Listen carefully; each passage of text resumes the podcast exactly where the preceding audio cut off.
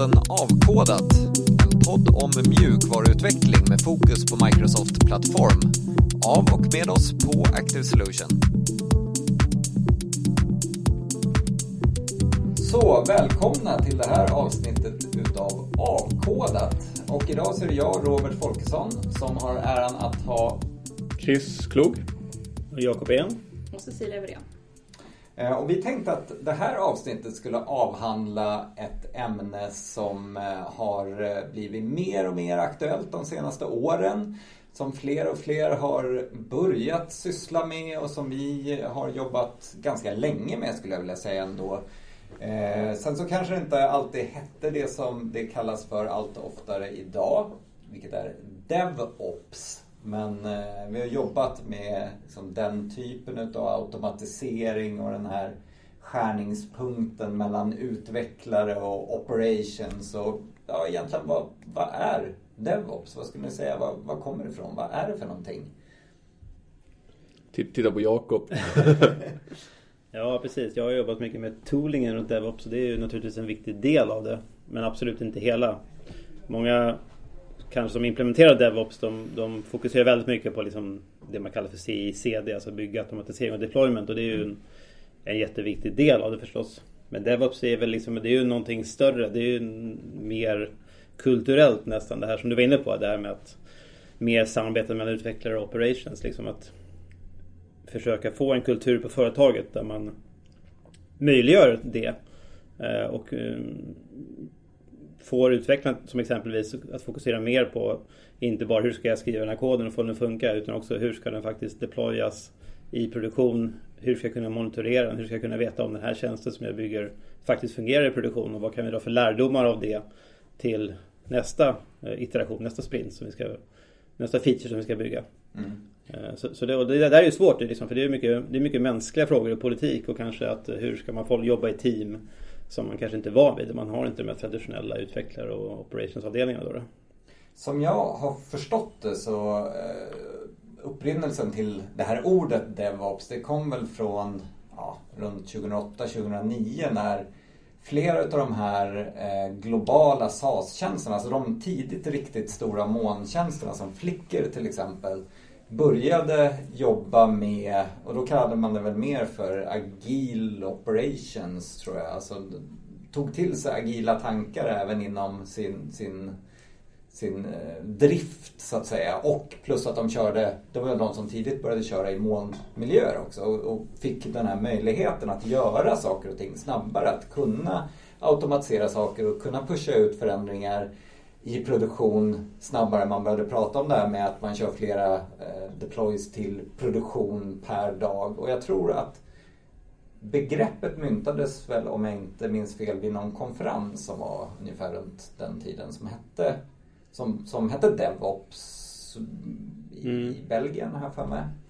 Ja, ja, precis. Vad hette den? Global DevOps? Eller det var något jag kommer inte ihåg vad den hette men jag, jag känner... Ja, vi, vi får googla upp det och ta ja, i beskrivningen här ja. i avsnittet. Ja. Um, så att sen har det påverkat resten utav branschen och liksom tagit sig in och börjat genomsyra även kanske mer traditionella produktutvecklingsbolag och andra organisationer som är sådana som vi jobbar med ofta.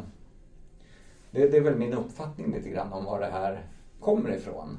Mm. Men jag tror det är viktigt att, att greppa den här delen att det är en, mer en kulturell mänsklig fråga än en teknisk fråga. Ja, vi har en massa tekniska hjälpmedel men man kommer ju aldrig komma till en DevOps-värld om inte man ändrar strukturen på företaget. Mm.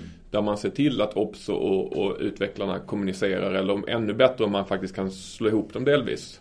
Inte i form av vi har ingen Ops-avdelning eller Ops-människor behövs inte längre för det, det kommer inte hända på länge har jag en känsla av. Men jag tror att man behöver få folk att prata mestadels. Det är där den stora skillnaden är. Så det är samarbete kan man säga som det handlar om? Ja, men det, det, känns ju som att det är väl min huvudsyn på det är väl att man försöker komma ifrån den här slänga, slänga lösning över staketet. Jag bygger klart och sen kastar man någonting över staketet och springer därifrån och så får OPS-avdelningen ta hand om att få sakerna till att köra. Uh, och jag tror den, den yttersta modellen av det är väl när man börjar titta på företag som kör microservices arkitektur där teamet äger sin, sin tjänst och ser till att den ska driftas och den ska hanteras och manageras och alla de där delarna där man behöver verkligen kombinera det och vara ansvarig för hela sträckan. Som utvecklare har man en tendens till att strunta i ansvaret för driften av saker. Så länge den funkar på min maskin så kan man kasta den över staketet och gå därifrån liksom. Mm. Precis, och därför då vill man gärna ha någon på, det, det kan vara helt okej okay, men alla kan ju inte kunna allting så att säga. Men däremot om man då har någon eller några i sitt team som man träffar varje dag och är med på standups som tar upp de frågorna och säger hur kan vi liksom säkerställa att vi, att vi kan deploya det här som du nu ska utveckla. Det är lite det man vill åt. Så ett bra tecken på att man kanske inte helt har liksom greppat det här det är väl då om man har ett, ett DevOps-team så att säga. Att man har ett, samma personer som är DevOps. Det blir ju liksom helt fel då. Eh, så att det är väl ett bra anti-pattern kanske att man har ett DevOps-team så att säga. Utan det... det är intressant. Ja. Det är, man, man kommer fortfarande, jag ser fortfarande man kan ha ett ops-team. Det är liksom fine. Men det är som du säger, de måste vara med i, i utvecklingsprocessen också. Det mm. måste finnas ett samarbete. Jag, jag vet att det finns en rädsla från ops-människor att med DevOps så skulle man bli av med ops-människorna och all deras kunskap skulle försvinna och så vidare. Och det var samma när, lite grann när man flyttar mot, mot moln och, och cloud-arkitektur. Att ja, men nu behöver vi inte vara vi behöver inte vara driftsmänniskor längre. Så, så är det ju faktiskt inte. Det är, det är en fråga om att vi behöver dem fortfarande men kanske på ett annat vis.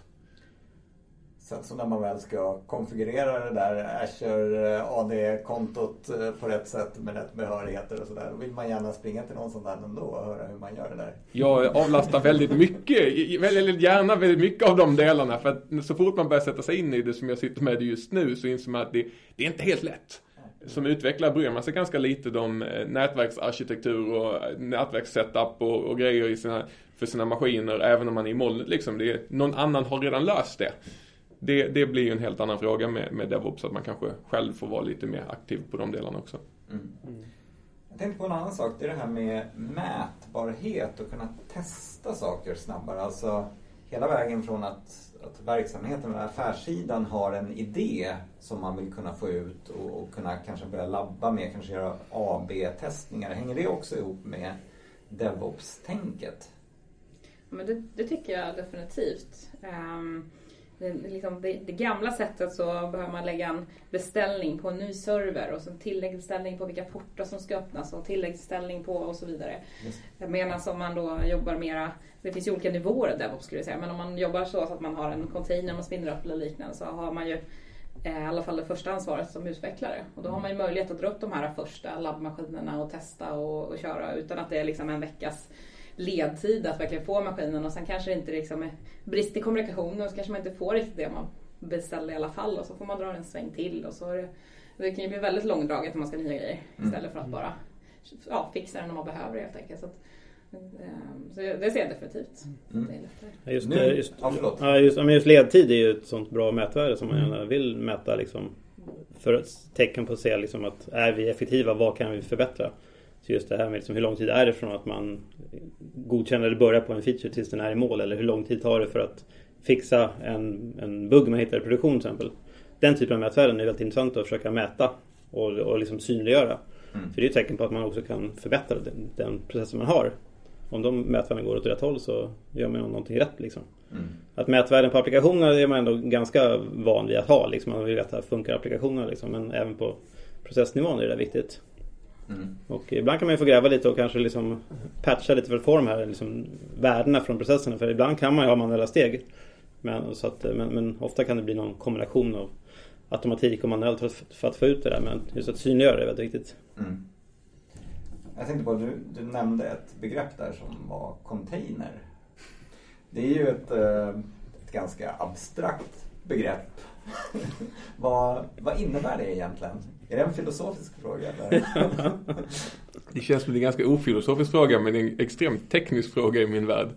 Ja. Uh, det finns väl den, den generella som jag, jag hör jag, folk prata om, liksom, container är som en lättviktig virtuell maskin fast utan ett operativt system.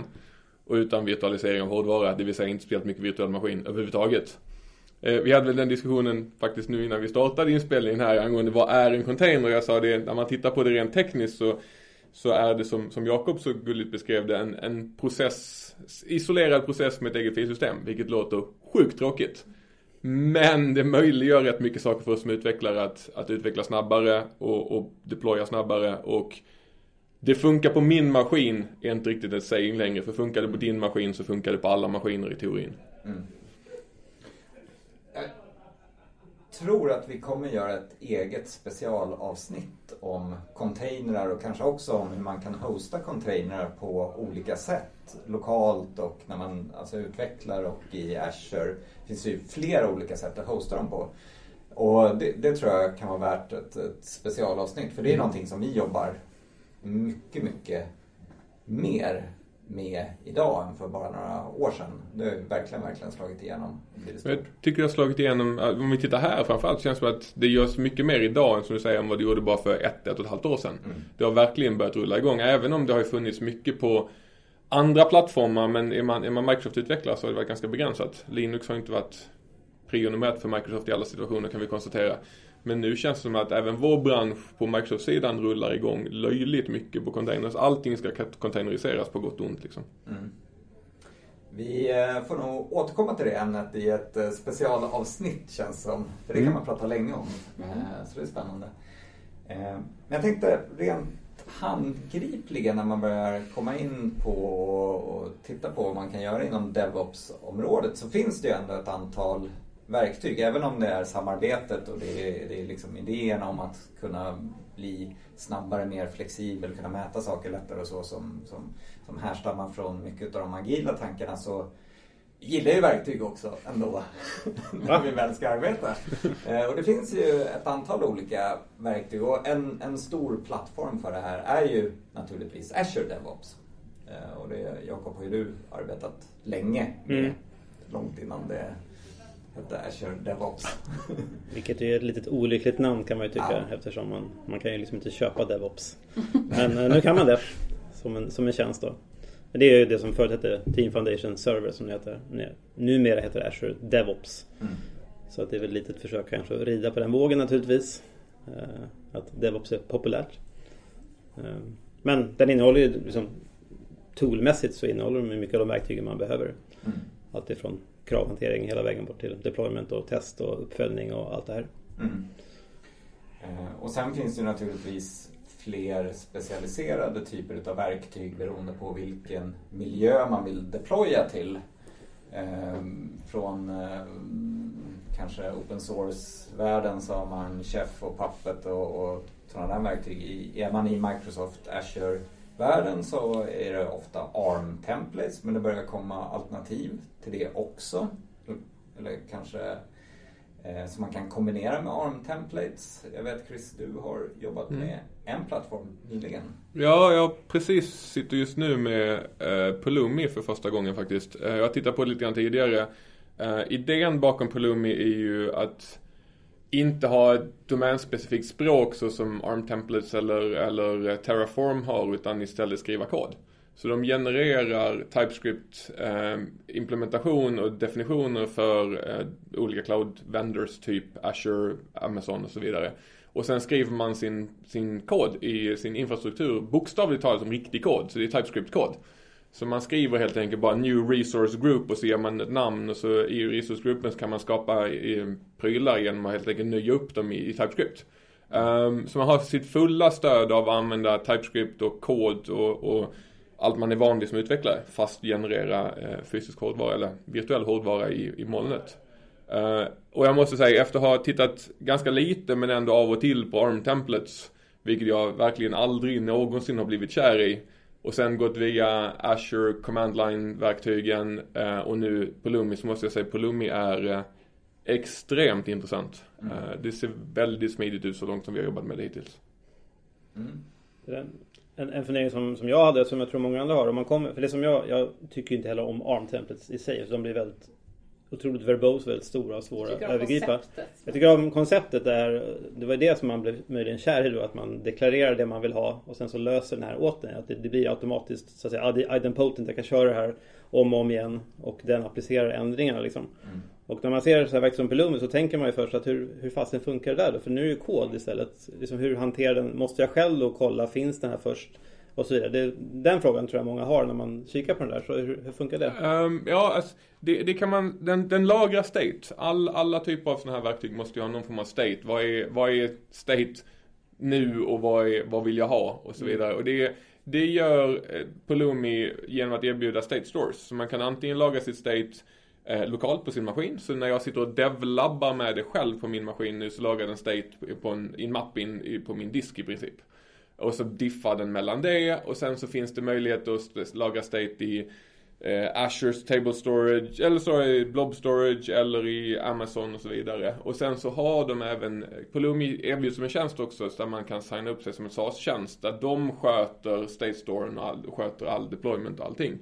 Uh, och då jag, jag har än så länge mest labbat med vår lokala och håller på att sätta upp det för att lagras i, i Azure så att när vi kör våra Pulumi-script när vi deployar så kommer den plocka upp statet från en blob och läsa upp det och jämföra det mot vad jag vill och sen räkna ut vad som behöver förändras. Så, så state är helt fristående från koden. Så jag, ja. jag, skulle kunna skriva om koden helt och hållet och refakturera den. Och det länge, påverkar liksom inte... Nej, så länge du behåller namnen. Varje, varje pryl du skapar upp, varje entitet du skapar får ett, ett namn i Pulumi. Och det namnet gissar jag på något vis är mappat mot ditt state och så vet den att X ska ha det här status. Så även om du ändrar koden och micklar om hur mycket du gör så och ändrar alla dina skript så kommer den fortfarande gå på ID och räkna ut vilket state som behövs. Så det borde funka alldeles perfekt. Mm. I teorin. Och har jag förstått det som så att man kan använda sig av deras molntjänst om man vill. Så att de hostar åt en. Eller så kan man ha... Nu, nu, nu hamnar jag i en jättejobbig situation för jag, jag har faktiskt inte riktigt räknat ut hur den där saken funkar helt och hållet om jag ska vara helt ärlig. Eh, ja, de har en molntjänst och det är deras servrar som verkar exekvera sakerna åt den. Ja. Eh, så jag, jag, tror faktiskt att det man gör när man kör på Lumi-grejerna är att det, det de har någon form av tjänst som gör liksom transformering av grejer åt den. Och sen finns det Enterprise-versioner där man kan hosta det själv och lite sådana saker. Men Precis, för man kan ju tänka sig scenariot att man kanske inte vill skicka allting via olika anledningar överlåta det till någon Nej. tredje part utan ändå använda verktygen men ha ja. hela kontrollen. Då. Men då får man bygga, då får man ju ha egna virtuella maskiner. Precis. Eh, du, du pratar mycket nu om Pulumi-servrar och Azure-servrar. Går det här alltså att köra offline?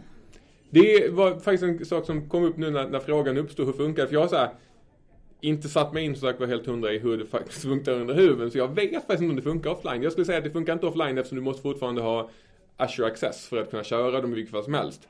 Och jag tror att du behöver kontakta deras server också för att kunna köra det. Eh, så nej, det kommer inte funka offline.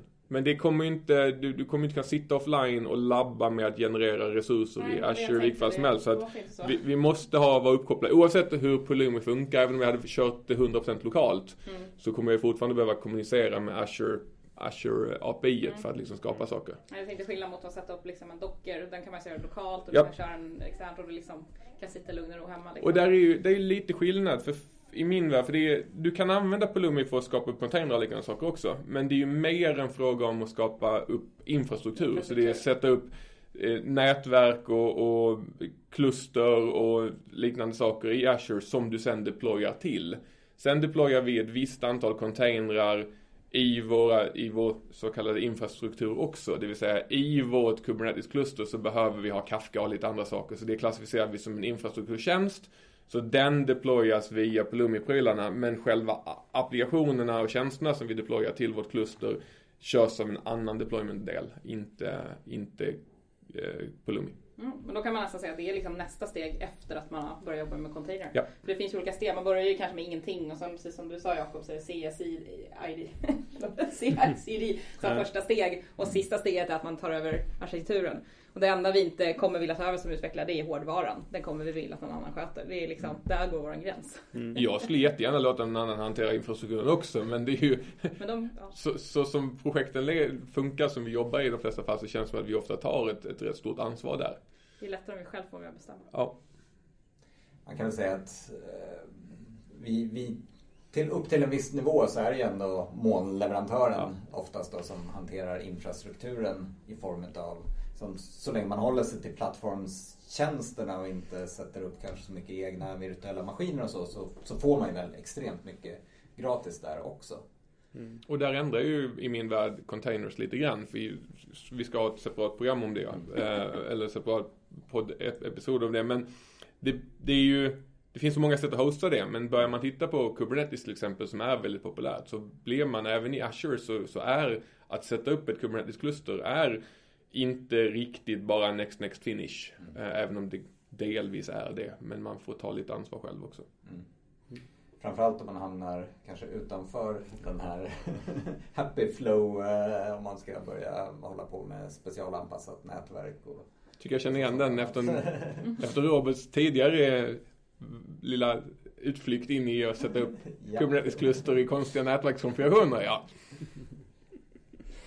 Eh, om man nu tar en sån sak som eh, liksom våra kära operations och drift har skött som vi tar över ganska mycket nu. Det är ju sådana saker som versionshantering av servrar och uppdateringar. Så här. Hur mycket behöver vi sköta själv när vi går över till Pulumi och, och containers och sådär. Liksom, hur mycket behöver vi själv som utvecklare vara insatta i att hantera liksom, ja, uppdateringar helt enkelt av, av, av sakerna vi driftar. Av miljön menar du? Ja, ja, alla de olika grejer som vi nu mm. tar över ifrån drift så att säga. Ja, typ patchning. Ja, till mm. exempel. Ja, men, alltså en väldigt trevlig effekt av att man börjar jobba med containers och med Pulumi och så vidare. Det, det är ju det här med, alltså du, får ju, du måste ju i princip ha infrastruktur som kod. Du, du uttrycker det här i koden. I koden checkar man in då. Det är liksom inga konstigheter. Då lever den tillsammans med din applikation. Och då får man ju hela flödet som man har runt kod. Att man kan göra pull request, man kan ha valideringar, du kan testa saker och så vidare. Så de bitarna flyter ju väldigt väl på plats då. Tycker jag. Som förut oftast handlade om manuella patchningar och osäkerhet runt versioner och så vidare. Det blir nu liksom en, en självklarhet. Men sen om man kommer ner på VM framförallt så ja, det är fortfarande en VM. Den kan man skapa då via Pulumi eller ARM. Men när den väl är det så är den fortfarande VM som kör saker och, och som sagt, vem ansvarar för att patcha den? Mm. Det är långt ifrån eh, eller och med om man, om man lägger sig på en högre nivå utav tjänst som Kubernetes till exempel och kör container i den. Vem ansvarar för att mm. eh, uppgradera versionen utav själva Kubernetes-klustret mm. till exempel? För det är ingenting som Microsoft gör eh, automatiskt utan den Precis. typen av beslut måste ju fortfarande tas Precis. beroende på om man behöver någon ny feature eller mm. vad det kan vara.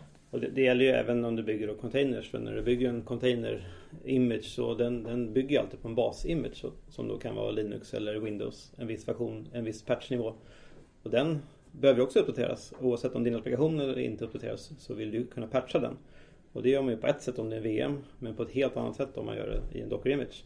Så måste man ha en process för att se till att man kan bygga om sin applikation, sin image för att det har kommit en ny patchnivå för att man får ut dem i, i sina kluster. Så det, är liksom, det blir lite nya lösningar på samma problem där. Mm. Och det är inget som är lösa automatiskt. Nej. Sen kan man debattera om det är enklare eller, liksom krångligare än vad det var förut. Men... Eh, ja, det, det som är lite farligt är att vi har tagit över det vi tar över från, från drift till utvecklare. Och utvecklare generellt sett brukar inte bry sig om det så mycket. Nej men det, det, är sant, det riskerar att gå liksom under radarn nästan ja. från operations. Och det, som de faktiskt, det här är sånt som de tänker på och, och har färdiga rutiner och kunskap om som vi inte har så mycket kunskap om som utvecklare. Mm.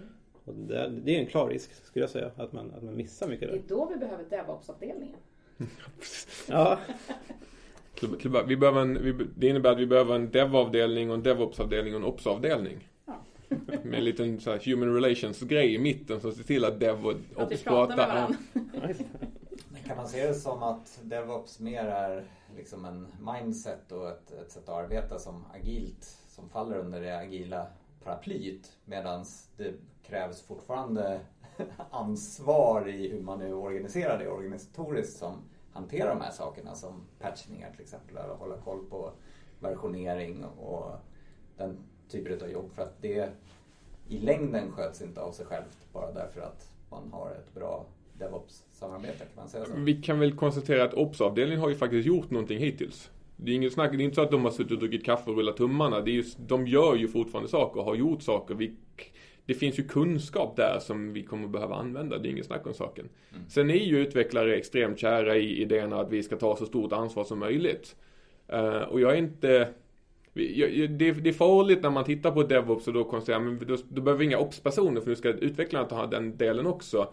För det första tror jag lite rädd att vi förlorar kunskap om man, om man bestämmer sig för att gå den vägen, vilket jag tror är fel väg. Men sen är det också, vi utvecklare har rätt mycket att göra redan från början. Vi ska kunna best practices, vi ska kunna skriva kod, vi ska veta ramverken som finns där ute. Vi ska gärna vara med och ställa lite krav också, vi ska skriva våra egna tester, vi ska göra self-organizing teams, vi ska sköta vår egen scrum och projektledning. Det börjar bli Hyfsade på applikationssäkerheten? Ja, mjukvaruarkitektur. Ja. Så det, det Börjar vi dra in OPS också, vi, jag tror att vi måste inse att det är jättebra att vi drar in alla de här sakerna i våra team, men det innebär inte att alla utvecklare behöver kunna alla de delarna. Det kommer fortfarande behövas OPS-personer som gör OPS-delarna men som är en del av teamen tror jag. Mm. Så kan, kan man se det som att utvecklare behöver kunna mer eh, åt liksom OPS-hållet eller traditionella infrastruktur-setupsen. Men de som har hållit på med de bitarna behöver också lära sig mer från utvecklarvärlden. Mm. Bli bättre på att skripta och automatisera saker och liksom göra sånt som kanske tidigare mer utvecklare har gjort. Det känns väl rätt rimligt. Eh, och det, det tror jag blir en naturlig effekt av om man, om man slår ihop teamen eller om man får OPS-avdelningen att komma in till utvecklingsteamen eller utvecklingsteamen kommer och prata med OPS-avdelningen tror jag att det kommer smitta av sig på automatik. Mm. För att utvecklingssidan kommer att se vad OPS-människorna gör och hör deras kunskap och, och suga i sig den informationen som kanske har saknats. Eh, typ, hej vi måste patcha våra maskiner någon gång ibland. Uh, och ops-sidan kanske tittar och ser vad utvecklarna kan göra när de kommer med sina idéer. Men kan vi inte liksom automatisera eller skriva något skript som löser det här? Vilket jag tror ops redan gör väldigt mycket om jag ska vara ärlig. Så, så tror jag att det kommer smitta av sig ganska, ganska naturligt. Och så kommer man hitta vilka områden som de två olika grupperna gör bäst. Precis, de har ju nu väldigt så här, generaliserande, de, de, men jag menar, det, som du var inne på att automatisering är som en självklarhet för de flesta. Uh, att, att, det har de på plats. Däremot allt det andra med liksom livscykeln runt det hela har ju inte mm. funnits där. Så det är ju kul att, att se vilken skillnad det varit de sista fem åren med personer från det området som kommer in. Jag har jobbat mycket med Azure DevOps så att säga. Då har man sett liksom frågeställare som kommer in, till exempel produktteamen hos Microsoft. Och det har ju varit mycket mer då från det hållet då. Man frågar så här, hur hanterar man PowerShell i Azure DevOps? Hur kan man sätta upp en cykel för det här och så vidare. Uh, så, så det har verkligen varit en skillnad då. Då har man börjat använda Visual Code för att liksom skriva sina scripts och så vidare har liksom kommit in i det här och börjat jobba med pull requests och mm. sett fördelarna i det. Mm. Så det är liksom kul, man har sett den där liksom, synergin där. Mm. Som avrundning, vad skulle ni ge för råd till eh, en organisation eller ett team som vill liksom ta till sig de här tankarna mer? Vad, vad ska man börja med? Vad är, vad är, viktigt att tänka på? Finns det några liksom fallgropar? Vad ska man undvika kanske spendera för mycket tid med från början? Du var inne lite grann på det Cecilia.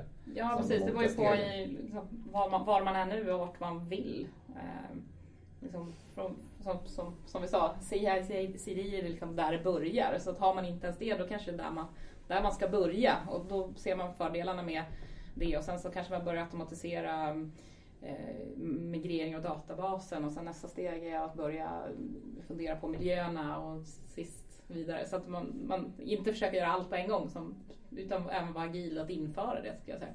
Eh, och, och, börja liksom testa och grejer. Och, eh, man bygger det så kommer man komma på vilka grejer man vill automatisera och, och köra hela vägen. Så man, det där sitter vi och gör hela tiden. Vi gör backuper på databasen och restorar till till testmiljön och anonymiserar. Det får vi göra liksom var, var och varannan jacka. Kan vi inte lägga in det i våran pipe och automatisera det och så vidare. Nu vet inte om det klassas som DevOps egentligen men det är ju samma verktyg som vi kan använda för sådana saker.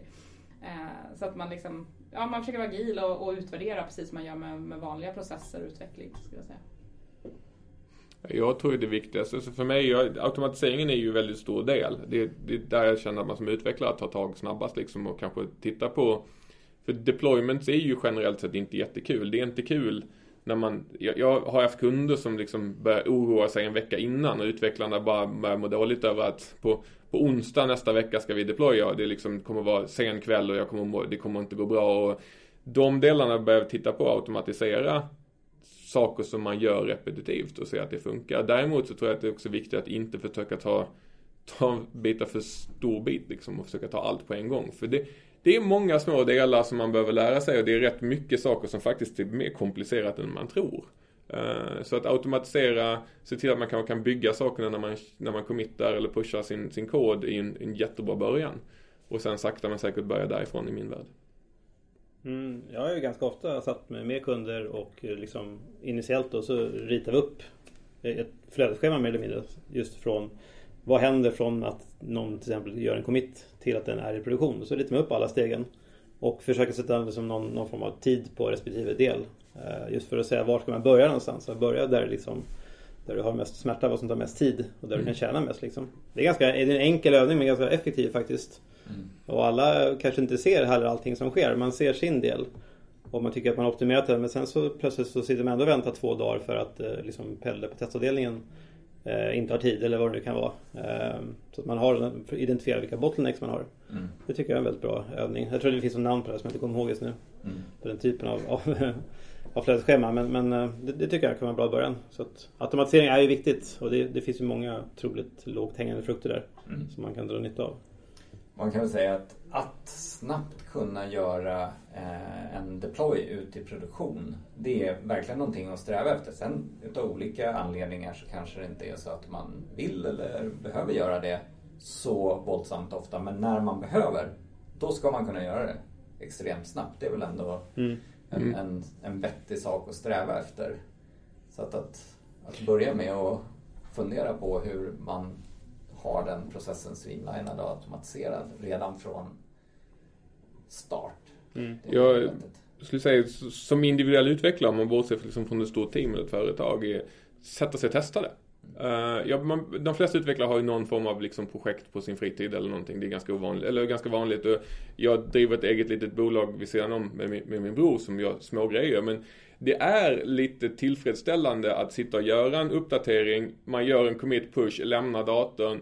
Och ett par minuter senare så plingar det till i min klocka som säger att jag har fått ett mail som säger att deployment succeeded. Det är rätt behagligt att inte behöva göra bygga, kopiera filer eller MS deploy eller de här, utan checka in och så kör det. Och det tar, när man har gjort det ett par gånger så tar det inte jättelång tid att sätta upp det. Ska jag vara helt ärlig med Azure DevOps så finns det färdiga templates för det mesta. Så det är liksom, det är verkligen rätt mycket next next finish för att göra den här lilla, lilla grejen som gör att man blir lite biten av att det faktiskt funkar. Och där har vi väl egentligen nivå ett, att man, alltså hur snabbt kan jag få ut någonting i produktion. Nivå två, det är hur snabbt kan jag få ut någonting om jag inte har några servrar. Det vill säga, går de sönder behöver jag sätta upp nya och allting. Och det är då det kommer infrastrukturen och containern kommer in i bilden. Jag skulle sätta det lite längre ner nivå två. Jag tror, jag, jag skulle ha ett par... Jag skulle, Nivå fem då kanske vi kan ha jag, jag skulle nog ha ett par nivåer däremellan. Eh, men, men ja, att, att få ut någonting i produktion är en, en bra liksom, startpunkt. Kan, kan jag trycka på en knapp eller göra en commit och, och få någonting att hamna på webben liksom och synas? Det är klart tillfredsställande. Jag håller med. Vad bra. Vad jobbigt om du inte gjorde det. All right. Ehm, ja, ska vi avrunda med, med att vi håller med om det? Och Det tycker jag. ehm, tack så hemskt mycket för att du har lyssnat på Avkodat. Vi kommer att återkomma och eh, i något avsnitt framöver så ska vi borra ordentligt i det här med containrar. Det är inte ett filosofiskt begrepp bara. tack för att du har lyssnat.